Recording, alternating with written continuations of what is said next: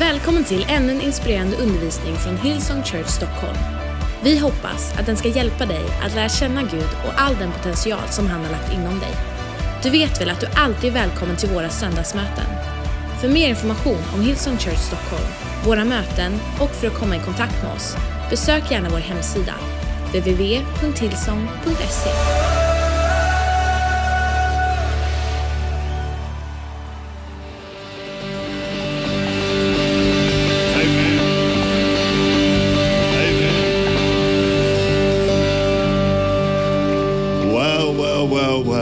good it is to be in Stockholm. Perfect time of the year, beautiful weather. So nice to be here. Fantastic. It's so cool because, you know, in Australia it's winter right now, it's summer, excuse me, right now. So mostly it's been warm and hot. And it's so cool to come to winter and just enjoy a beautiful winter when you know you're going home tomorrow. Great to be here. I'm going to tell you, Bobbie and I love uh, Andreas and Lena. Fantastic couple. And uh, so proud of everything that's happening here. I think it's about three years since last time I was in Sweden. And uh, great to see progress and life. Excited. I'm excited about being in the city campus tonight at five o'clock and at seven o'clock. So you better save your seat. We're going to have a hot night tonight in the house of the Lord. So looking forward to being in there. And hey, what a great thing to be about a God's kingdom. Look at you all. Swedes, look at you all. So much better looking than Norwegians. I wonder why that is. So much better looking than Norwegians. Any Norwegians here?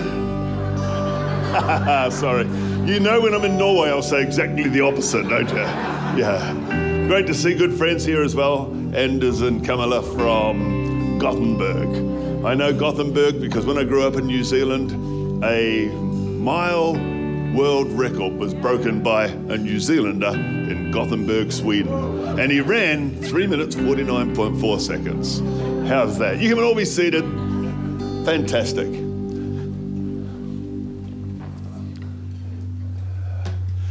Obviously, since I was here and since Bobbie was here last, uh, this has happened, this North Campus. And what a miracle. I mean, first time I've ever stood in this building, but I don't know whether you understand what a great miracle it is. How often do you just get given a church? I mean, get given a church. It's amazing. And then it becomes Hillsong Church, and then God starts to put his hand on it, it starts to grow, it starts to be blessed. I just think it's fantastic. May there be many more of them. I'm going to believe God will give us many more buildings because we need to believe for a quick work, for God to do a quick work. I'm going to believe God's going to give us buildings in Gothenburg. You haven't got any, have you? so great a salvation. How great is salvation in your life? Do you make salvation look great? Do you wear it well? When people look at you and your faith, your salvation, does it give them a good, good, good picture of the grace of God and the wonder of God? In the book of Hebrews, it uses those words so great a salvation. That's the name of my message this morning. I'm speaking about a great salvation. Tonight, I'm doing something entirely different. It'll kind of lead on from here, but tonight I'm going to be praying over and prophesying over people's 2016, and we're going to believe for an amazing night tonight. So here it goes Hebrews chapter 2, verses 1 to 4. It says in verse 1, therefore we must give the more earnest heed. Notice that. Give even more earnest heed to the things we have heard, lest we drift away. For if the word spoken through angels proved steadfast, and every transgression and disobedience received the just reward, how shall we escape? Here it is, if we neglect so great a salvation, which at the first began to be spoken by the Lord and was confirmed to us by those who heard him, God also be- be- bearing witness both with signs and wonders, with various miracles and gifts of the Holy Spirit according to his own will. So the Bible talks about the danger of drifting away and neglecting so great a salvation. It says this salvation God confirmed. He gave witness by what? Signs and wonders, all sorts of miracles, the gifts of the Holy Spirit. In other words, that's what God brings to our salvation. It's pretty amazing. So here we have the Hebrew people, book of Hebrews, the Hebrew people who had come to faith in Jesus Christ. And sadly, some of them were drifting away back to old religion, stuff they had left behind, drifting back to old ways. So, Paul, or rather, the writer of Hebrews is asking the question how could you neglect so great a salvation? I think it's easy to start to neglect our salvation. I pray in our church that one thing we won't do is drift away from the greatness of salvation, that we'll never drift away from the possibility and the opposition and the opportunity that lies within salvation. And you know, the greatness of salvation is found in the Savior. His name is Jesus. And in the scripture, it calls Jesus the horn of your salvation. It's Luke chapter 1, verse 69. And it says, has raised up Jesus a horn of salvation for us in the house of his servant David. Jesus is described as the horn of salvation. A horn in Bible times, it represented honor, it represented plenty, and it represented power the strength of a beast is in its horn. And so I believe God wants us to know an honorable salvation, gives honor to God, gives glory to God, wants us to know a plentiful salvation because there is all sorts of blessing and plenty within salvation. And He wants us to know a powerful salvation because He is the horn of salvation. Uh, honorable, plentiful, powerful. So that gives you an idea. This is not just a I'm saved. I got saved in 1963 type salvation. This is a salvation which is full of life. And if I read you the verse one more time, it says, He set the power of salvation, or rather, has raised up a horn of salvation for us in the house of David. Listen to that verse, by the way, in the message. He set the power of salvation in the center of our lives and in the very house of David, his servant. What's so interesting, Jesus, son of David, is that it talks about Jesus coming from the house of David. And do you know salvation was a constant theme of David's life?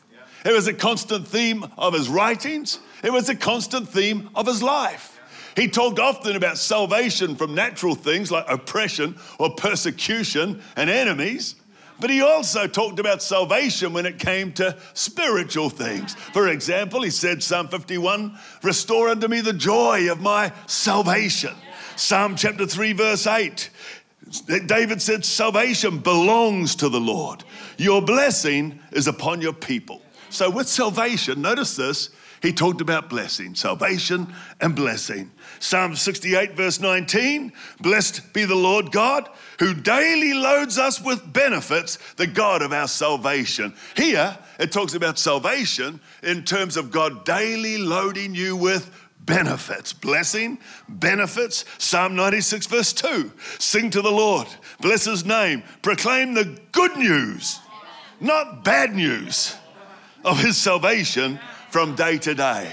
So David wrote much about salvation, many more times than that, and he often would equate it to blessing, to good news, to daily benefits. And that's where I think we can lose sight of the greatness of salvation because we lose sight of the content, all that is ours through the salvation that Jesus won on the cross and through his resurrected life. I love, I love thinking about the greatness of salvation.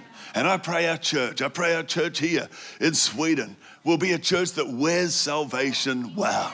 There's a humility, but there's a strength. There's a sense that God's blessing is real. There's a sense that it's, it's not miserable, it's filled with life, it's filled with joy. Psalm 21 and Psalm 22. So we're talking about David's writings, and David, salvation's a constant theme of his life. Psalm 21 is a salvation psalm. It starts verse 1 with David talking about salvation. And it talks through the Psalm, Psalm 21, after, about blessing after blessing after blessing that comes with salvation. So the verse starts, Psalm 21 The king shall have joy in your strength, O Lord, and in your salvation, how greatly shall he rejoice. By the way, David's talking about himself in the third person. He is the king. And he says, The king shall have joy in your strength, O Lord, and in your salvation, how greatly shall he rejoice. It talks about the rejoicing that's in salvation. Next chapter, next psalm. It's like Psalm 21, blessing, salvation. Psalm 22, it's like he's bipolar. It starts, My God, my God, why have you forsaken me? Psalm 21 talks about God giving you the desires of your heart, answering your prayers, all of these things. Psalm 22, my God, my God. It's a messianic psalm. It actually is speaking the very words that Jesus would utter on the cross My God, my God, why have you forsaken me? But beyond that, if you look at it from David's perspective, the massive difference between his heart and his spirit and his faith in Psalm 21 and then Psalm 22, the difference there, Psalm 21, he's talking about blessing and salvation and God giving you the desires of your heart. Psalm 22, he talks about feeling like a worm, being forsaken, being surrounded by dogs. He says you, he, he can count his bones. I wish I still had that problem. He could count his bones. In other words, he was emaciated, he was starving. It's a completely different spirit. And I'll tell you what the difference is. In Psalm 21, David's focusing on the blessing of his salvation. And you know, when you do that, just focusing on the truth. God's word is the truth.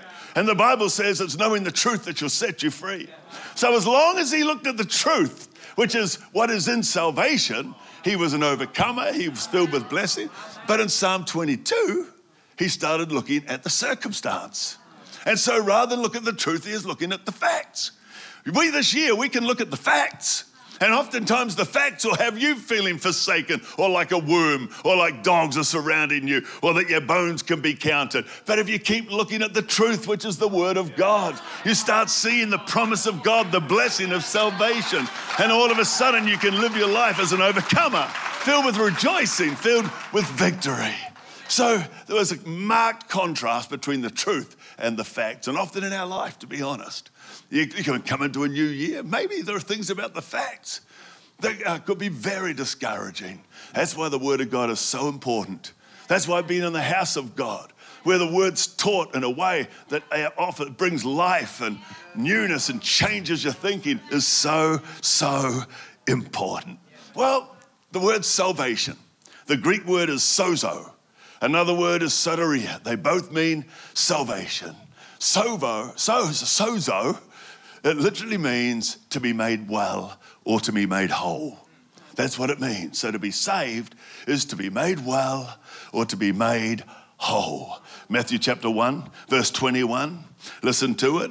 Talking of Jesus again, shall call his name Jesus, for he will sozo save the people from their sins. He will make them whole when it comes to sin. But exactly the same word is used. Many of you would remember there's a woman in the Bible.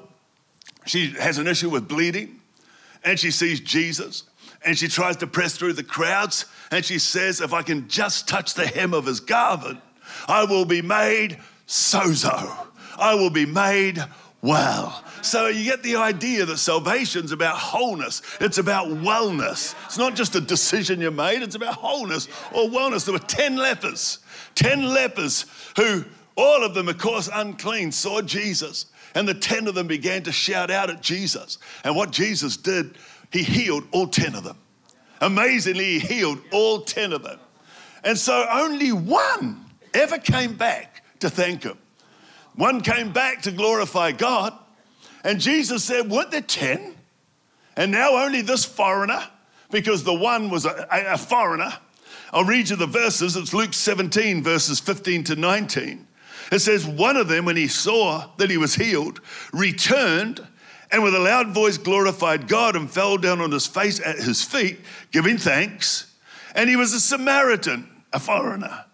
But where are the nine? Jesus answers, Where, were there not ten cleansed? Where are the nine? Were there not any found who returned to give glory to God except this foreigner? And listen to what he said to him Arise, go your way. Your faith has made you sozo. Same Greek word. Your faith has made you whole. Ten got healed. I believe one was saved. One entered into salvation because all 10 had already been healed. One comes back, he says, Your faith has made you sozo. He has made you whole. He has made you well. Well, that's where, when we ask ourselves, do we neglect salvation? We always should ask ourselves whether really that wholeness, that sozo, that sense of wellness is what is accompanying our salvation. Because really, sadly, there are people out there that don't wear salvation well at all. Mean, miserable, negative, sometimes intellectual elitists who love to point the finger at everything, everybody else. And we will never be that kind of church. We will never be that kind of church. We are called to be part of the answer. We're not called to be part of the problem in Jesus' name. Uh, if you want to know about the wonder of salvation, listen to this verse. Acts chapter 13, verse 26. Dear brothers and sisters, children of Abraham, and friends of God, this message of salvation, listen to it, has been precisely targeted to you. Isn't that great? In other words, salvation is tailor made for you.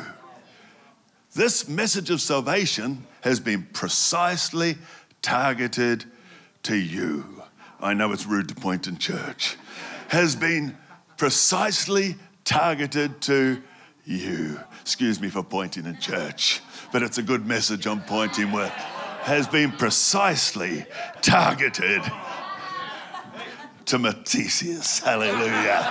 precisely targeted to you. That's awesome. In other words, Jesus was thinking about you when he came up with so great a salvation. Notice how easy it's almost 62, I can still get up there.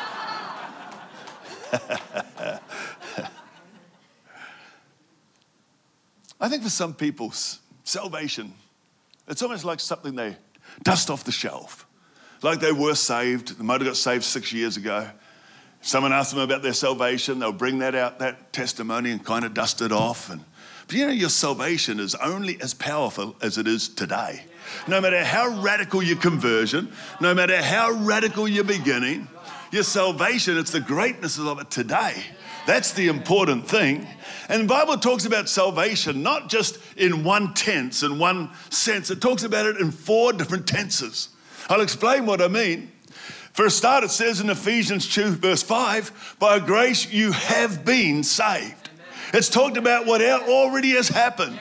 By grace you have been. There was a moment, there was a time, there was a collision with Christ. By, by grace you have been saved. But you know, if you have a look at 2 Corinthians chapter 6, verse 2, it says, Now is the accepted time. It says, Now is the day of salvation. So you have been saved, you are saved. Now is the time. This is the day. This is the appointed time of salvation. But here's another one. We are, we, we were, we are. Here's another one. 1 Corinthians 1, verse 18. It says, The preaching of the cross is to those who perish foolishness but listen to it. But to those of us who are being saved, can you see it there? Those of us who are being saved, it is the power of God. So you were, you are, it's ongoing. We are being saved. And ultimately, it says in the scriptures, Romans chapter 10, verse 9, it says, If you'll confess with your mouth the Lord Jesus Christ and believe in your heart that God has raised him from the dead, you will be saved. You have been, you are, you ongoing, are continuing to be saved, and one day you will be saved. So, how does that look? This is how it looked. We have been saved there was that moment, that day, that time, that prayer, that moment when you can say, it was at this time, it was on this day. You have been saved. You are saved. That means I'm not the person I used to be. I'm being saved. That says to me, I'm not stopping here.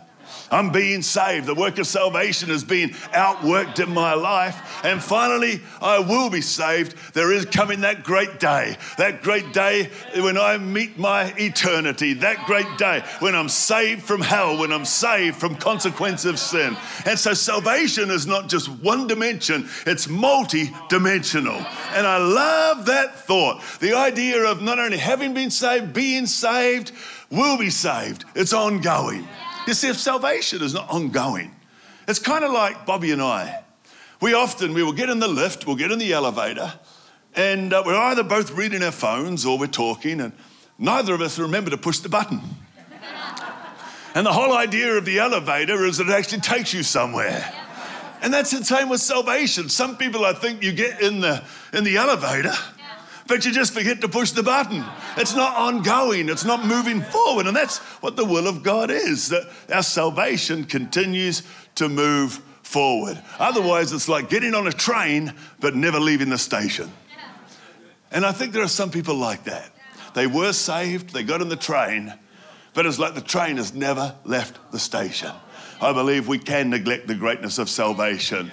The scripture said, Do not neglect so great a salvation. And I think, sadly, there are different ways we can neglect our salvation. Here's one of them you neglect your salvation when you allow drift. If I could take you back to my opening reference, my opening scripture, Hebrews chapter 2, verse 1, listen to it again. It says, I'm looking for it there. There it is. Therefore, we must give the more earnest heed to the things we have heard, lest we drift away.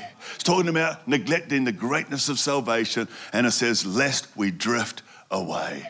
Anyone here ever skied or snowboarded? Give us a wave. That's part of the world, surely. Ever skied or snowboarding? You know, uh, 15 years ago, I began to snowboard. Pretty cool, I know. I mean, young people snowboard, old people ski. And uh, so I snowboard. Though I have to admit, I haven't done it for a couple of years. And last time I did, I did one run. And that was enough to make sure I could just still get down the mountain. But you know, one time I was with uh, a pastor from London, Gary, and with my two sons. And we went to a place called Davos in Switzerland, which is an amazing place. We went up there to ski and to snowboard. But when we got up there, it was an absolute whiteout. I'm talking to you about things you know a lot more about than I do, because I don't have snow where I come from.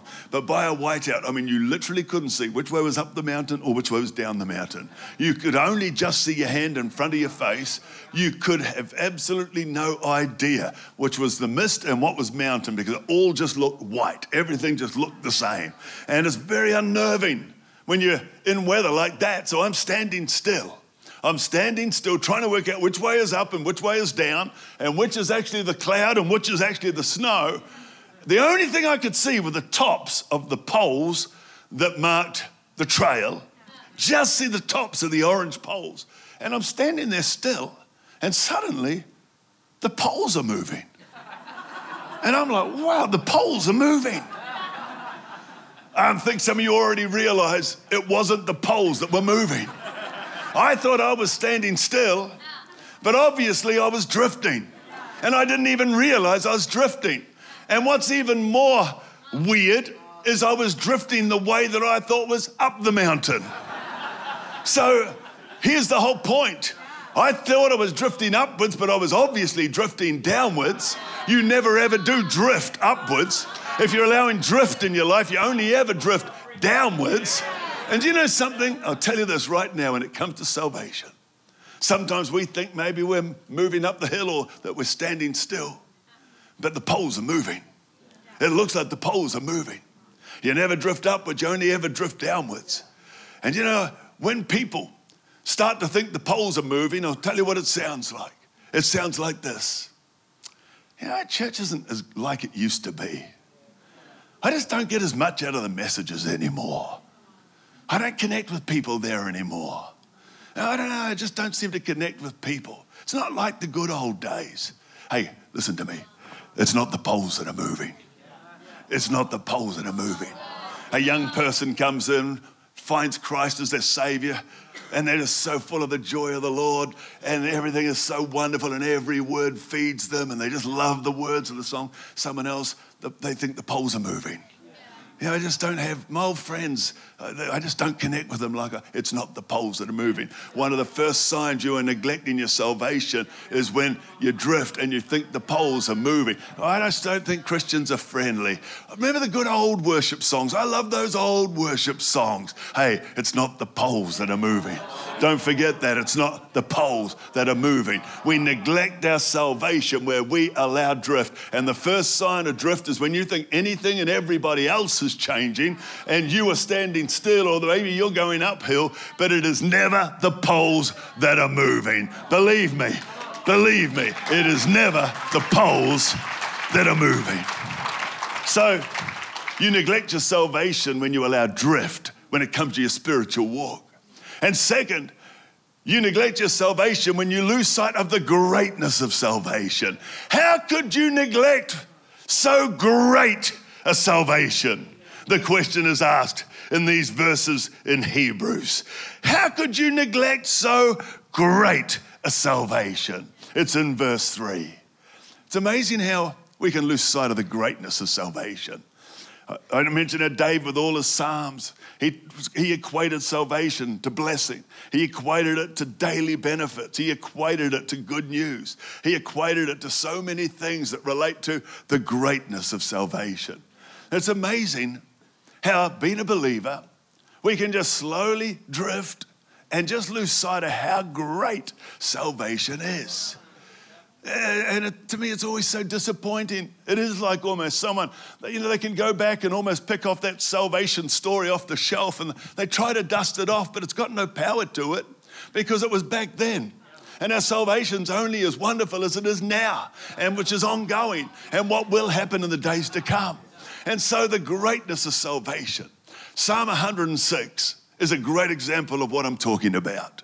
You see, God's Old Testament people, God delivered them from the Red Sea. He protected them from their enemies. He blessed them, and they knew it. Look at the verses. I'll read these verses Psalm 106, verse 8 to 13. And listen to what it says here. It says, Nevertheless, he saved them for his name's sake, that he might make his mighty power known. He rebuked the Red Sea also, and it dried up. So he led them through the depths as through the wilderness. He saved them from the hand of him who hated them and redeemed them from the hand of the enemy. The waters covered their enemies, there was not one of them left. Look at verse 12 and then look at verse 13. Verse 12, they believed his words. They sang his praise. They're filled with the greatness of God's deliverance and salvation. They believed his words. They sang his praise. One verse later, one verse later, verse 13, they soon forgot his works they did not wait for his counsel. What happened? They lost sight of the greatness of salvation. God delivered them. He, he, literally delivered them from enemies. He opened the sea for them. He saved them. He did so much. They believed his words. They were in church in Nora Sunday morning. They believed his words. They're singing his praise. They're so full. Next Sunday, soon forgot his works. It's not going to happen here. Not going to happen here. Soon forgot his works waited not for his counsel, but lusted exceedingly in the desert. Listen to it. The Bible says God gave them their request, but he sent leanness to their soul. You know, they were dishonoring, soon forgot his works. They were honor, dishonoring. I think they got bored, they lusted in the desert. Usually, when you start going, looking back to things you've been left behind, you've just lost the greatness. You, you kind of got bored. They were filled with presumption. They waited not for his counsel, they just went ahead and did their own thing. They were filled with dishonor, presumption, boredom, I think dissatisfaction. They lost that sense of awe and fear of God as they tested him in the desert, like the Bible says. And what do they end up with? Leanness in their soul. Do you know, starting a new year, there's a whole lot of places we're hoping to get lean. But one place you don't want leanness is in your soul. You want fat, flourishing soul. Because I'll tell you right now, leanness in the soul, it means a whole lot of things dry up.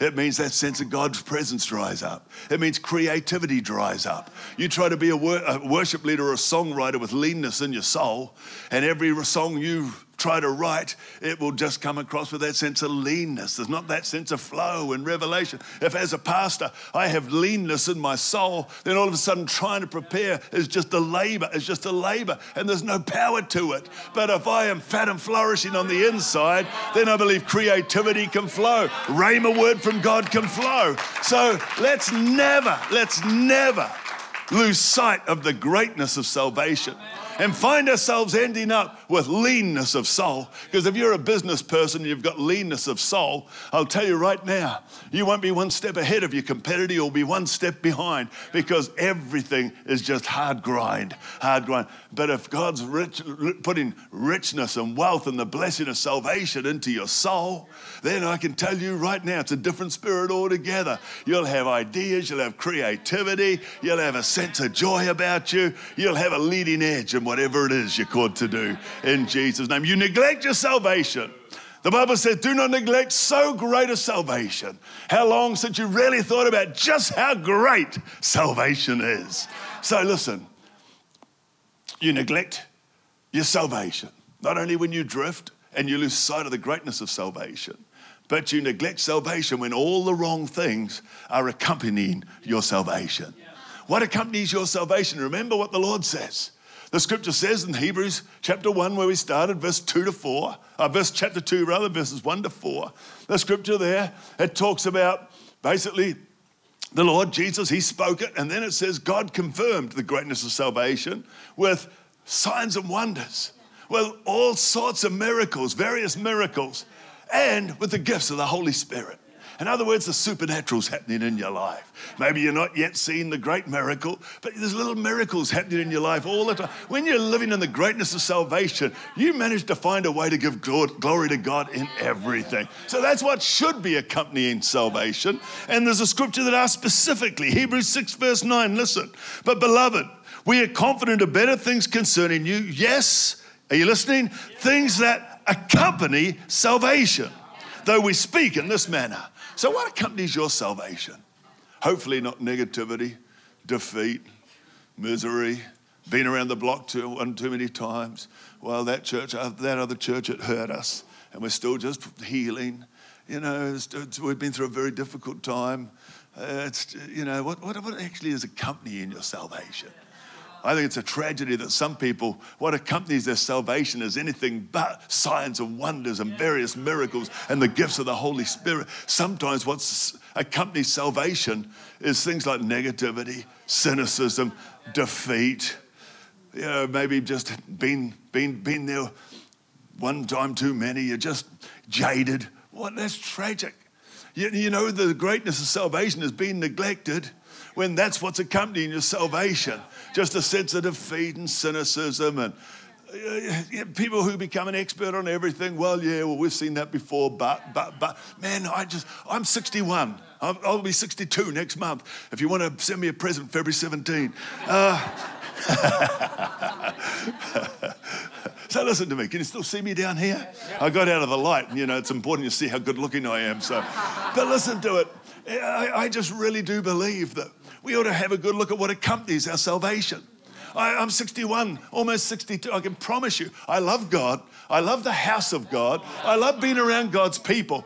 I love serving Him as much as I did when I was 19 years of age because I don't want the wrong things to accompany salvation. And have I had opportunities to get hurt? Of course I have. Have I had opportunities to get offended? Of course I have. Have I had opportunities to settle down? Of course I have. Have I had opportunities because I got knocked down to excuse and just stay down? Of course I have. It is a choice to keep all the right things accompanying your salvation. So, Do you know it takes it takes a very clever man, a very clever person to be a good cynic. Very clever person to be a good cynic. But it takes a very wise person to be clever enough to not live their life cynical. Because the moment you start losing, living your life cynical, you have already lost sight of the greatness of salvation. You are neglecting the greatness of salvation. Homework is just a good thing to ask ourselves honestly between God and me. What really has accompanied my salvation? Am I still seeing the joy of the Lord? Am I still a can do person? Do I still see the beauty in everything? Do I still see the word coming to life? Do I still receive, even if I've heard some of the thoughts before, even if I've heard some before, do I still receive from the word? Or have I become the old cynic? Oh, I've heard this before. Hey, I've eaten pizza before, but it's not going to stop me from eating it again. I love pizza. Maybe you've heard the word before, but if you love the word, you can listen to it a million times, let me tell you. Oh, let's not neglect so great a salvation. Finally, finally, you neglect your salvation when you cease to take responsibility for your salvation. I find it interesting that Philippians chapter 2, verse 12, Paul says, Therefore, my beloved brethren, as you have always obeyed, not as in my presence only, but now much more in my absence. In other words, don't just be doing good when I'm there, but now you're on your own. Listen to it, work out your own salvation with fear and trembling. I wonder what that means. I mean, we know by grace we're saved. The scripture says, by grace you have been saved. So if it's all Him, we know it's Him. He's the Savior. It was because of us. We're lost. He calls us righteous simply because He gives us the miracle of righteousness through His cross and through His resurrection. It's all Jesus, so how can we work out our own salvation? Well, the reality is you are saved. The moment Jesus comes into your life, your spirit is renewed. It's not something that comes and goes. He basically, you're saved. But the, your soul is different. You know, music can move my soul one way or another. Music can move my soul. I love the kind of music that moves me. But in the same way, excuse me, as music can move me in a good way, I got to tell you, my soul can be moved in a bad way. And the reality is that if we don't stay on top of our salvation, in other words, make sure we're not neglecting the greatness of salvation. We're still putting in the hard work to make sure that our salvation is, is, is tender. It's still, it's still organic. It's still pure. There's still a sense of wonder about us. We're not jaded and cynical. We're still filled with the joy of the Lord. If I'm not working at my salvation, my soul can be moved by hurt or brokenness or offense, or it can just get moved by boredom or finding other alternatives or kind of being sick of it and just wanting to settle down. My soul can be moved. That's why people, they neglect their salvation when they fail to continue to take responsibility responsibility for the condition of their salvation. Salvation is yours, it's permanent. Christ gave it to you. But the condition of your salvation is up to us. And that's where I would encourage you not to neglect the greatness of salvation because what God has for you is far too important for us to allow ourselves to settle for anything less than God has called us to be.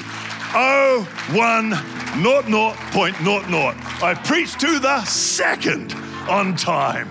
Fantastic. And that's why I should be up here more. Because the clock went five, four, three, two, one, not naught, and I was done. Fantastic. Amen. Look at that.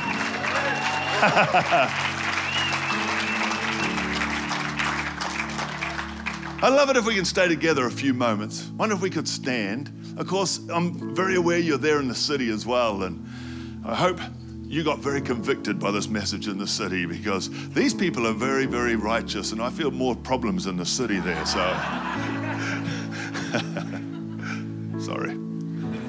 But they're in the city and here. Why don't we just take a moment before we sing? Put your arms, or your hands where they're comfortable. You can put them way up or you hold them in front of you, whatever. Where you feel comfortable. And let's just think about the greatness of salvation. Salvation in its purest form. Just the greatness of God's promise. How great.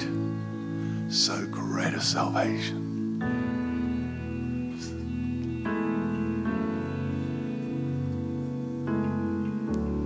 He saved us into His promise, His hope What He saved us from our sin, our failure. Jesus, Jesus, Jesus. Jesus, Jesus, Jesus. Thank you, Jesus. So great a salvation. So much to be thankful for, Father. If in any way we've drifted, maybe we started thinking the poles are moving. Lord, help us to understand that it's not the poles that are moving. Deliver us from drift, slow drift. Father, help us to continue, no matter how many years we've been born again, help us to continue to see the greatness of salvation. Lord, so that leanness doesn't fill our soul, so we stay full and flourishing on the inside. So the creativity flows, ideas, God ideas flow. Lord, your presence seems so very evident with us. Lord, I believe that all the right things are going to accompany salvation in 2016. We reject any sense of discouragement, defeat, negativity, cynicism. Lord, I just pray that we will have those things that God confirms salvation with and that is signs and wonders. That's various miracles. That's the gifts of the Holy Spirit. That's what I speak into these people. Signs and wonders, all sorts of signs that God is alive, all sorts of wonders where you can only stand amazed. Various miracles to which we can give testimony. The Holy Spirit so clearly working in our lives. Lord, we thank you for it. We praise you for it. We glorify you. In Jesus' name. In Jesus' name. Amen. Sing with us in the city.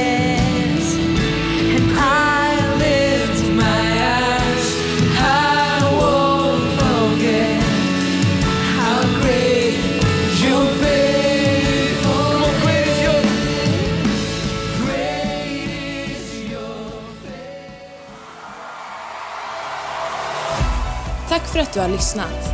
Om du vill veta mer om Hillsong och mer om vem Gud är, kontakta oss gärna. Eller gå in på www.hillsong.se. Och kom ihåg, du är alltid välkommen till våra gudstjänster.